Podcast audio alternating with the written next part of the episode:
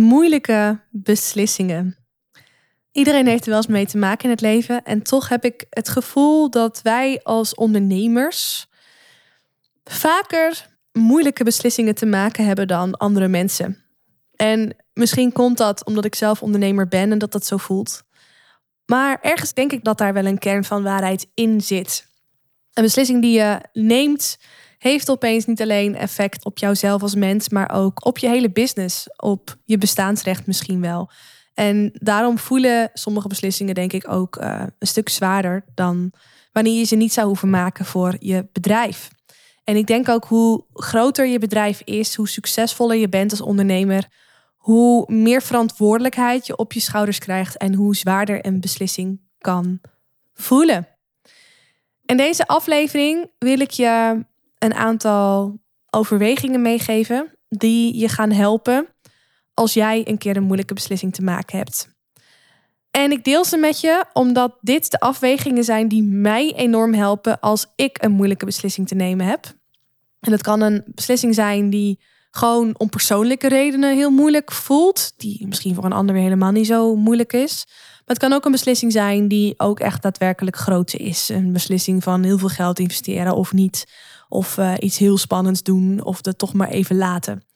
Goed, vul voor jezelf in wat de beslissing is die jij te nemen hebt. Maar beluister deze aflevering als je wat handvatten kunt gebruiken om de juiste beslissing te nemen.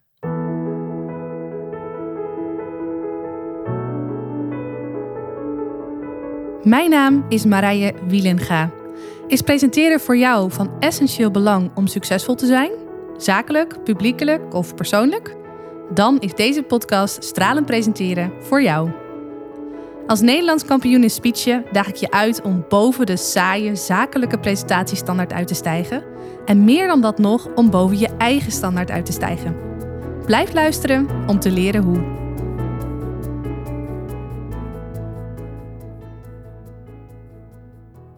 Ik zat bij het uh, opnemen van deze aflevering te denken van oké, welk voorbeeld zou ik kunnen geven van een moeilijke beslissing die ik uh, onlangs heb gemaakt of nog te maken heb, om de dingen die ik je wil vertellen wat meer praktisch te kunnen maken, om, om er gewoon een voorbeeld bij te kunnen geven, want dat maakt het denk ik wel extra waardevol.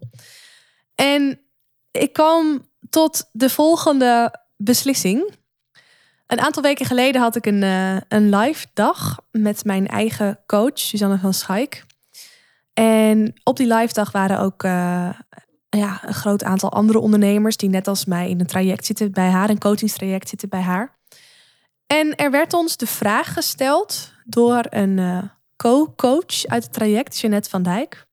En Jeanette zei: Als je tien keer meer moed zou hebben, als je tien keer meer moed zou hebben, wat zou je dan doen?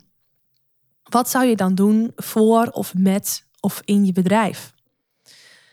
Die vraag werd gesteld eerste keer halverwege de dag. En ik weet nog dat ik dacht, mooie vraag, alleen uh, geen idee. Ik heb toen ook wat opgeschreven, zo van, nou, ik maak er maar wat van, maar eigenlijk weet ik het niet zo goed. En schijnbaar hadden meer mensen uh, zoiets. Want toen vervolgens om antwoorden werd gevraagd, kwamen er dingen boven als: uh, Nou, ik zou, uh, weet ik veel, een maand op Bali gaan werken. Of ik zou een podcast beginnen. Of ik zou mijn hele website opnieuw gaan schrijven. En toen zag ik al op het gezicht van Jeannette dit was niet de bedoeling. Dit, dit zijn niet de antwoorden waar zij naar zocht. En dat bleek ook wel, want aan het einde van de dag, uh, Suzanne was in principe klaar met het programma en toen nam ze net nog even het woord. Ze zei: Jongens, ik wil nog even terugkomen op die ene vraag. Wat zou je doen als je tien keer meer moed had? Want er kwamen antwoorden uit die echt niet passend waren bij de vraag die ik stelde. Want dat waren antwoorden die eerder passend zouden zijn als ik de vraag had gesteld: wat zou je doen als je één of twee keer meer moed had dan nu? Dus ik ga opnieuw de vraag stellen, zegt ze. Wat zou je doen als je tien keer meer moed had? Wat zou je dan doen met of voor of in je bedrijf? En ik had weer zo'n error. Denk je, maar wat voor soort antwoorden ben je nou op zoek? Nou, het gaf een aantal voorbeelden. En Suus bijvoorbeeld zelf, hè, die, die roept wel eens vaker, ja, ik zou Beyoncé zijn. Ik, oh ja, om Beyoncé te zijn heb je, kan ik me voorstellen dat je tien keer meer moed nodig hebt. Als je ziet wat zij doet, wat voor ja, als je ziet wat zij doet, wat voor beslissingen ze maakt, voor wat voor groepen ze staat en hoe ze die producties doet, dan kan ik me voorstellen dat je daar tien keer meer moed voor nodig hebt. Dus toen er een aantal van dat soort suggesties kwamen, toen gingen er wat ehm, belletjes bij mij rinkelen. Toen kreeg ik de inspiratie en toen schreef ik op wat ik nu met jou ga delen. En gek genoeg is dat niet iets wat toen voor het eerst bij me oppopte. Ik heb het toen ik uh, eh, 29 was en 30 zou gaan worden, alles overwogen. En dat is het volgende. Ik droom ervan om een eigen theatershow te produceren. Een show waarin ik mijn verhalen kan vertellen of waarin ik verhalen kan vertellen. En dan natuurlijk persoonlijke verhalen. In combinatie met het maken van muziek. Als je mij wat beter kent, dan weet je dat zingen een uh, grote passie van mij is. Muziek is überhaupt een passie voor me, maar zingen vooral uh, sinds mijn, uh, wat is het, vierde jaar? Ja, zit ik al bij een kinderkoor. Ik heb zangles gehad. Ik heb daar zelfs een diploma in gehaald. Ik klink nu heel nasaal, dus je moet me nu niet vragen om te zingen. Maar over het algemeen denk ik, nee, over het algemeen durf ik te zeggen dat ik voor een amateur goed kan zingen. Het lijkt me dan ook fantastisch om mijn passie nu mijn vrij nieuwe passie voor het vertellen van verhalen, voor het presenteren te kunnen combineren met zingen. En daar mensen mee te inspireren, mensen mee te roeren. En ik zie dat ook zoals ik zingen überhaupt zie, maar ook persoonlijke verhalen delen, in speech bijvoorbeeld zie, als een manier voor mezelf om dingen te verwerken. Daar heb ik een keer een uh, podcastaflevering uh, over opgenomen waarom ik bepaalde speeches geef. Nou, dat heeft dus onder andere te maken voor mij, uh, omdat ik door moeilijke onderwerpen, door daar een speech op voor te bereiden en over te geven, dat dat voor mij een vorm is van dingen verwerken, dingen een plekje geven in mijn leven. Ofwel uh, omdat het iets heel moois is, of omdat het iets heel zwaars is, wat ik juist wat luchtiger wil maken. Dus mijn antwoord op Jeanette, haar vraag: wat zou je doen als je tien keer meer moed had? Was ik zou dan nu toch eindelijk die theatershow gaan uh, maken en gaan geven. Ik had dat dus alles eerder voor ogen. En ik dacht, als ik 30 word, dan, uh, dan ga ik dat doen. Dan wordt mijn verjaardagsfeest wordt die theatervoorstelling. En heel eerlijk gezegd had ik dat ook zo bedacht, zodat ik de mensen die anders op mijn verjaardag zouden komen, uit kon nodigen voor de theatershow. Dan zou dat hun cadeautje zijn voor mij, dat ze daar zouden zijn. Dus dan had ik ook een soort van garantie dat de zaal niet leeg zou zijn. dat was mijn reden om het te willen combineren met mijn dertigste verjaardag. En natuurlijk is 30 ook zo'n mooie leeftijd, weet je wel. Een mooi rond getal en zo. En dan ben je volwassen. Ik was toen nog geen moeder. Ik uh, werd niet heel veel later zwanger trouwens. Dus dat was ook een van de redenen waardoor het niet doorging, samen met corona. Maar het kwam me eigenlijk ook wel heel goed uit, want ik vond het al met al wel een scheideng idee. Enfin, die droom is een beetje naar de achtergrond geraakt. Alleen uh, die werd opnieuw aangewakkerd toen Jeanette voor de tweede keer die vraag stelde. Dus ik schreef heel dapper op. Ik zou mijn eigen theatershow gaan voorbereiden, gaan geven. Uh, waarin ik uh, zang, muziek combineer met verhalen. Dit is in feite een beslissing. Ga ik dit doen of ga ik dit niet doen? Nou, ik denk dat, dat, dat ik het antwoord al heb gegeven. Ik ga dit doen. Alleen de vraag is even wanneer ik dit ga doen. Want met dat ik het nu weer hier zo vertel aan jou in deze podcast, voel ik weer. Ah, nou komt het dichterbij en nou ben ik niet meer de enige die dit weet. En nou gaan mensen hierop terugkomen bij mij. Dus nou moet ik wel, zeg maar. Dus laat ik dit even als voorbeeld nemen van een moeilijke beslissing die er te nemen valt. Wanneer ga ik dit doen of ga ik dit doen?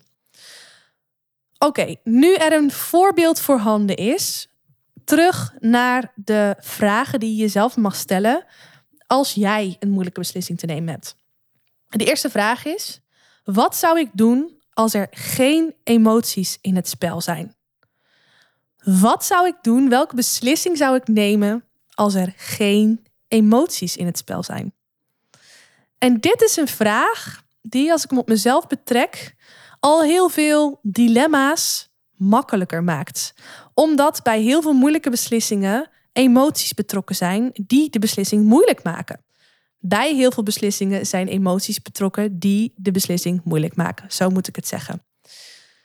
Op het moment dat je die emoties eventjes opzij kunt zetten, niet dat ze er niet meer mogen zijn, maar gewoon even bewust even apart legt, wordt het alweer heel veel makkelijker om naar de beslissing te kijken. Want dan kun je er namelijk naar kijken zonder een gevoel van angst, zonder een gevoel van spanning, zonder een gevoel van verantwoordelijkheid of zonder een gevoel van oh, hoge verwachtingen. Als je naar de beslissing kijkt zonder dat je die gevoelens erbij bedenkt, wat zou je dan doen? En vaak is het antwoord wat je dan geeft ook al het juiste antwoord om te geven als je nog wel die emoties weer, weer even bij, erbij in beschouwing neemt. Niet altijd trouwens, want ehm, het kan best zo zijn dat je uh, een bepaalde beslissing, hè, dat daar heel veel angst bij zit. En dat je zonder die angst zou zeggen, ja, ik ga het gewoon doen. Maar dat als die angst erbij komt, dat het dan gewoon echt opeens geen optie meer is. Dan kan het best zo zijn dat je eerst nog iets anders te doen hebt voordat je die beslissing neemt. Dus dan zit er eerst nog een soort van tussenstap in. In mijn geval bijvoorbeeld, ja, ik kan dit nu volgende week wel doen. Nee, het is trouwens niet het juiste voorbeeld, want angst zou er bij mij toch wel zitten. Ik ben, uh, ik, ja, ik vind het gewoon heel erg eng. Een, een, een podcast inspreken of een speech houden of een post schrijven. Ja, dat, dat zijn ook dingen die ik wel spannend vind. Alleen dit is voor mij, ja, hier is gewoon letterlijk tien keer zoveel moed voor nodig. Omdat zingen voor mij überhaupt al zo persoonlijk voelt. In combinatie met verhalen vertellen. En dan ook nog in combinatie met de situatie waarin er eerst nog maar eens mensen naar mijn show moeten komen kijken. En wellicht een kaartje zouden moeten betalen voordat, voordat ik het kan doen. Voordat het überhaupt zin heeft ja, dat, dat roept zoveel spanning op dat ik hier echt tien keer meer moed voor nodig heb om dit te doen. Maar goed, angst is niet per se iets wat mij tegenhoudt. Op dit moment, heel eerlijk, is datgene wat me tegenhoudt. Dat op dit moment ik gewoon al mijn tijd heb zitten in mijn business. En dan ook echt in het um, omturnen van mijn business. Zoals je weet, wellicht weet als je deze podcast al uh, wat langer volgt, ben ik een aantal weken geleden een andere weg ingeslagen met mijn business. Heb ik een veel specifiekere doelgroep gekozen. En nu zit ik dus ook echt midden in die omturnfase van mijn bedrijf, waar op dit moment echt al mijn energie, tijd en ook investering naartoe gaat, om dat op de juiste manier te stroomlijnen. Dus ik heb nog steeds uh, mijn doel voor ogen uh, dat theaterstuk te willen gaan maken. Alleen het is gewoon niet handig om dat nu te doen. En dat is niet per se een verhaal dat ik mezelf aanpraat, maar wat als ik ook de emoties even buiten beschouwing laat, nog steeds zo is. Maar goed, de eerste vraag die je gaat helpen om een beslissing uh, makkelijker te maken is de vraag: wat zou je doen als er geen emoties in het spel zijn? Wat is dan het antwoord op je vraag? Geeft al een heel helder beeld, vind ik. Dan de volgende vraag die je zelf mag stellen bij een moeilijke beslissing. Welke beslissing is het meest in lijn met mijn persoonlijke waarden of met de waarden van mijn bedrijf? Als je een beetje begaan bent met persoonlijke ontwikkeling, zul je vast alles stil hebben gestaan bij de vraag welke waarden voor jou en voor jouw bedrijf het meest van belang zijn. Dat is ook een leuke oefening voor. Je kunt, uh, je kunt een hele lijst met waarden gaan printen en daar uh, een selectie uit maken van de waarden die je aanspreken, om vervolgens die terug te brengen naar de vijf of tien of drie meest belangrijke waarden. Dan het liefst nog in uh, volgorde van belangrijkheid om zo te komen tot de kern van je cultuur, de kern van je identiteit, de kern van wat jij belangrijk vindt voor jezelf en voor je bedrijf. Nou, in mijn geval, mijn uh, top 5 aan waarden zijn authenticiteit, betrokkenheid, creativiteit, enthousiasme en ondernemerschap. Dat zijn voor mij de vijf belangrijkste waarden. Als ik een beslissing te maken heb, kan ik met de vraag die ik net heb gesteld teruggaan naar die waarden en bedenken of dat de uitkomst van die beslissing, of die in lijn ligt met de waarden die voor mij belangrijk zijn. Als het antwoord op de beslissing die ik te maken heb uh, is dat ze, als ik die beslissing maak, niet in lijn liggen met mijn waarden, kan dat een hele duidelijke reden zijn om iets niet te doen. Een investering niet te doen, een samenwerking niet aan te gaan, een post niet te plaatsen, uh, wel of toch geen theatershow te houden. Nou, weer even terug naar die theatershow dus. Een eigen theatervoorstelling voorbereiden en geven ligt heel erg in lijn met authentiek zijn, met een eigen uh, verhaal vertellen. Dus authentiek zijn met ondernemerschap, met creativiteit. Iets minder met betrokkenheid misschien, maar ja, dat zou je er ook nog wel bij kunnen uh, halen. En met ehm, enthousiasme. Tenminste, enthousiasme zou ook zeker terugkomen in mijn uh, theatershow. Dus die theatershow, als je, als je de beslissing dat wel of niet te doen um, legt naast mijn waarde, klopt het helemaal en zou ik het dus gewoon moeten doen. Dus de vraag, welke beslissing is het meest in lijn met mijn waarde, is heel helpend om een beslissing wel of niet te nemen. Een derde vraag die je jezelf kan stellen is: hoe voel ik mij als de beslissing is genomen? Ik kan me zo voorstellen dat als jij nu echt voor dat punt staat om die beslissing te nemen, dat daar al even los van die beslissing zelf al best wel veel. Uh, dat dat al best wel wat bij je oproept aan emoties, aan druk, aan verantwoordelijkheid. Even los dus van die beslissing zelf. Wat mij altijd heel erg helpt om mijn focus te verleggen, om uit die bedwelmende situatie te komen van er moet iets gedaan worden en ik heb hier een bepaalde verantwoordelijkheid te nemen, ik heb hier een bepaalde beslissing te maken, helpt het mij heel erg om in te tunen op het gevoel dat ik ga hebben als de beslissing genomen is. Soms zul je moeten kiezen uit twee kwaden. Is er niet een beslissing die voor alle partijen heel veel goeds gaat brengen? Uh, en toch heb je dus die beslissing te maken. Dus dat, dat, dan is het wellicht een dilemma wat je, wat je, waar je voor moet gaan. Maar wat heel erg helpt, is als je intuned op het gevoel wat je hebt als je de beslissing genomen hebt. Dus dan kan het best zo zijn dat er wat mensen teleurgesteld zijn, maar dan heb je wel die beslissing genomen. En wellicht gaat je dat een gevoel geven van opluchting, van vrijheid, van helderheid, van lichtheid, omdat dat zware stuk van die beslissing die nog gemaakt moet worden, dan van je afvalt. Nou, door in te tunen op het gevoel wat je gaat hebben als je de beslissing genomen hebt, wordt het al makkelijker om je daar naartoe te bewegen. Wordt het al makkelijker en lichter om de beslissing te maken. In mijn geval, als ik weer eens een keer uh, wakker word s'nachts, badend in het zweet, bij het idee van: oh shit, ik heb mezelf nu toegezegd die theatershow te gaan doen, is nu niet heel actueel. Maar ik heb daar toen ik met die beslissing bezig was, wel echt uh, een paar nachten over wakker gelegen. En dat zal wellicht weer gebeuren op het moment dat dit dichterbij komt, omdat mijn uh, de nieuwe versie van mijn bedrijf uh, wat een wat fundament heeft, zeg maar, en ik mijn website heb aangepast en weet ik het allemaal, dan komt natuurlijk die datum van het daadwerkelijk gaan doen van die theatershow dichterbij. En dan zal ik dit wellicht weer hebben. En dan weet ik zeker als ik stil ga staan bij het gevoel wat me gaat geven als die theatershow geboekt is, als de eerste mensen hun kaartje hebben gekocht, als ik wellicht zelf op het podium sta, dat dat me onwijs gaat helpen om met de juiste energie door die beslissing heen te komen, door die, door die fase heen te gaan van het nog niet weten of er nog op kouwen of er nog tegenop moeten zien. Ga dus na hoe je je zou voelen als je die beslissing genomen hebt. En durf daar ook bewust bij stil te staan. Durf daar bewust op in te tunen, omdat je, dat je in een fijnere mindset gaat uh, brengen dan de hele tijd maar de zwaarte te voelen van het maken van die beslissing. Nou, dan is er nog één ding wat ik met je wil delen, wat je gaat helpen om een beslissing te maken. En dat is niet zozeer een vraag, of nou ja, eigenlijk wel. Er is iets wat ik heb geleerd van mijn coach. Ik heb zelf ben ik sinds december 2016 ondernemer. Ik ben dus ook een, uh, een founder. En ook ik heb in mijn carrière, waarin ik een onderneming run, uh, de nodige beslissingen al moeten maken. Soms makkelijk, soms moeilijk. Ik heb nooit een bedrijf van 50 man onder me gehad, maar dat wil niet zeggen dat ik geen beslissingen heb moeten maken die voor mij niet heel zwaar of moeilijk voelden. En dat zal me wellicht nog veel vaker gebeuren. Maar iets wat mij heel erg heeft geholpen altijd en nog gaat helpen, dat weet ik zeker, is mezelf te belonen. Niet per se eh, om de uitkomst van een bepaalde beslissing of om het behalen van een bepaald doel. Maar als iets heel spannend voelt, als iets heel moeilijk voelt, om mezelf in plaats van me te belonen voor de uitkomst, mezelf ook, of in plaats daarvan te belonen voor het zetten van een bepaalde stap.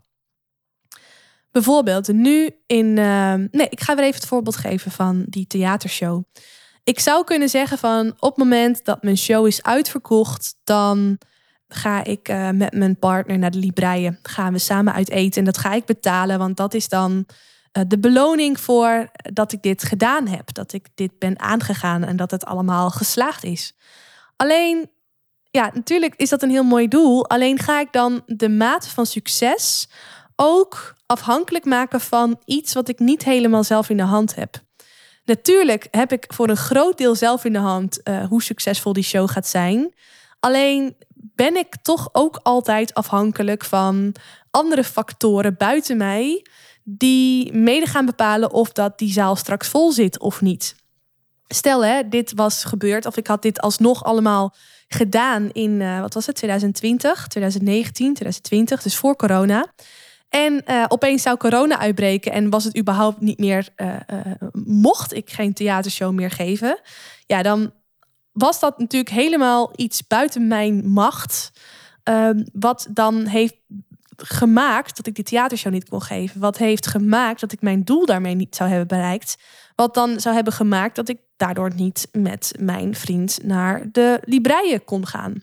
Nou had dat sowieso niet gekund in coronatijd, maar you get the point. Het is fijn om jezelf te belonen voor iets wat gelukt is. Alleen wanneer je een moeilijke beslissing te maken hebt, kan het ook al heel helpend zijn om jezelf te belonen voor het feit dat je een bepaalde beslissing maakt. Belonen voor een bepaalde processtap. Dat is iets wat ik heb geleerd in mijn coaching. Dus uh, stel dat ik nu, uh, nou dat is even de fase waar ik dan nu zelf in zit. Stel dat ik nu voor mezelf zou zeggen van ik wil iedere maand um, zes klanten, um, nieuwe klanten hebben. Dan kan ik mezelf belonen voor het feit dat ik die zes klanten heb uh, geworven. Alleen dat is ook weer iets, daar kan ik mijn best voor doen. Maar uiteindelijk ligt het niet 100% in mijn hand of dat het me gaat lukken die zes klanten te krijgen. Bedoel, de klant moet ook ja zeggen om daar samen te komen. Tot het feit dat hij of zij uh, klant bij mij wordt.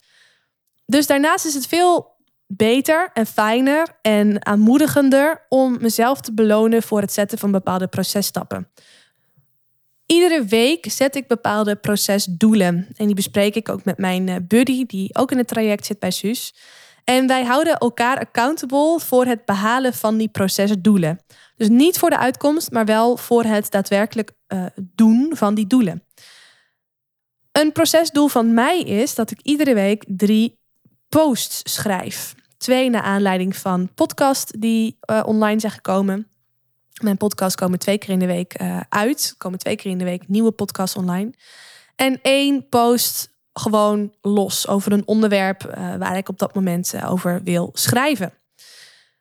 Drie posts schrijven in één week. Dat is dus een procesdoel wat ik iedere week weer stel. Dat is iets wat ik zelf 100% in de hand heb, of dat ik dat behaal of niet. Natuurlijk kan ik een keer ziek worden. Zoals nu heb ik, uh, heb ik corona. En dan, uh, nou, ik voel me nu alweer fit. Maar de dagen hiervoor heb ik me heel slecht gevoeld. En is het natuurlijk uh, niet leuk om te moeten gaan werken. Dus dan doe ik dat ook niet. Dan heb ik ook mijn rust genomen. Maar over het algemeen heb ik zelf wel in de hand of ik een procesdoel um, behaal of niet. Dat ligt helemaal binnen mijn macht. Als je een moeilijke beslissing neemt, is het fijn dat je jezelf beloont om het behalen van het procesdoel. Niet vanwege de uitkomst, maar gewoon puur om het behalen van het procesdoel. Dat maakt het een stuk leuker en een stuk makkelijker en een stuk lovender voor jezelf om, um, om die stap te zetten, om die beslissing te maken. Dat waren ze. Mijn vier vragen, slash overwegingen, slash adviezen voor jou als jij in de situatie uh, staat of voor een situatie staat waarin je een moeilijke beslissing hebt te nemen. Ik ben heel erg benieuwd hoe deze suggesties voor jou uitwerken. Of je er bekend mee bent en als je er nog niet bekend mee bent, wat ze voor jou doen. Ik wens jou dat als je nu dus in zo'n positie zit dat je een lastige beslissing te nemen hebt, dat deze vragen je helpen om de beslissing makkelijker te maken, om hem lichter te maken en om dus makkelijker te kunnen nemen. Zodat jij snel weer in die volgende fase zit en weer toe kan werken naar de volgende uitdaging waar je voor staat. Want als er iets een utopie is, en dat zul je vast me aan kunnen nemen als je ook een ondernemer bent, dan is het om te denken dat je op een gegeven moment op een punt komt dat je denkt, en nu ben ik er. ik heb dat zelf meerdere keren gehad in mijn onderneming. Dat ik echt dacht, oh, als ik daar en daar ben, als ik dat en dat doel heb bereikt, nou dan, uh, dan kan ik met pensioen, bij wijze van spreken. En iedere keer als, dat, als dat doel dan voor ogen kwam, dan dacht ik, oh, wacht even. Ja, ik ben hier nu, maar ik heb het gevoel dat ik uh, toch weer wat anders mag doen. Of dat ik het toch weer naar een hoger niveau mag trekken. Of dat ik het toch over een andere boeg mag gooien. En zo blijft het gewoon een proces. Het uh, leiden van een onderneming, het laten groeien van een onderneming, het zijn van een ondernemer. Ik wens jou heel veel wijze beslissingen en laat me even weten wat jij vond van deze aflevering door me een berichtje te sturen. Ofwel via de website, ofwel via mijn Instagram, ofwel via LinkedIn. Stel ik onwijs op prijs, want ik vind het heel erg leuk om te weten uh, wie jij bent als je deze podcastaflevering luistert. Omdat ik hier zoveel liefde in leg en met zoveel plezier ja, mijn kennis en uh, inzichten uh, indeel. Dat ik het gewoon heel tof vind om te horen als ze ook voor jou van waarde zijn geweest. Ik wens jou een hele fijne dag en tot de volgende aflevering. Doeg! Is deze podcast waardevol voor je? Abonneer je dan op mijn kanaal om geen aflevering te hoeven missen. En als je dan toch bezig bent, geef je hem ook even 5 sterren via Apple Podcasts. Zou ik echt enorm waarderen. Dankjewel. Onthoud, je drinkt niet door met woorden, maar wel met het gevoel dat je de ander geeft. Tot de volgende aflevering. Doeg!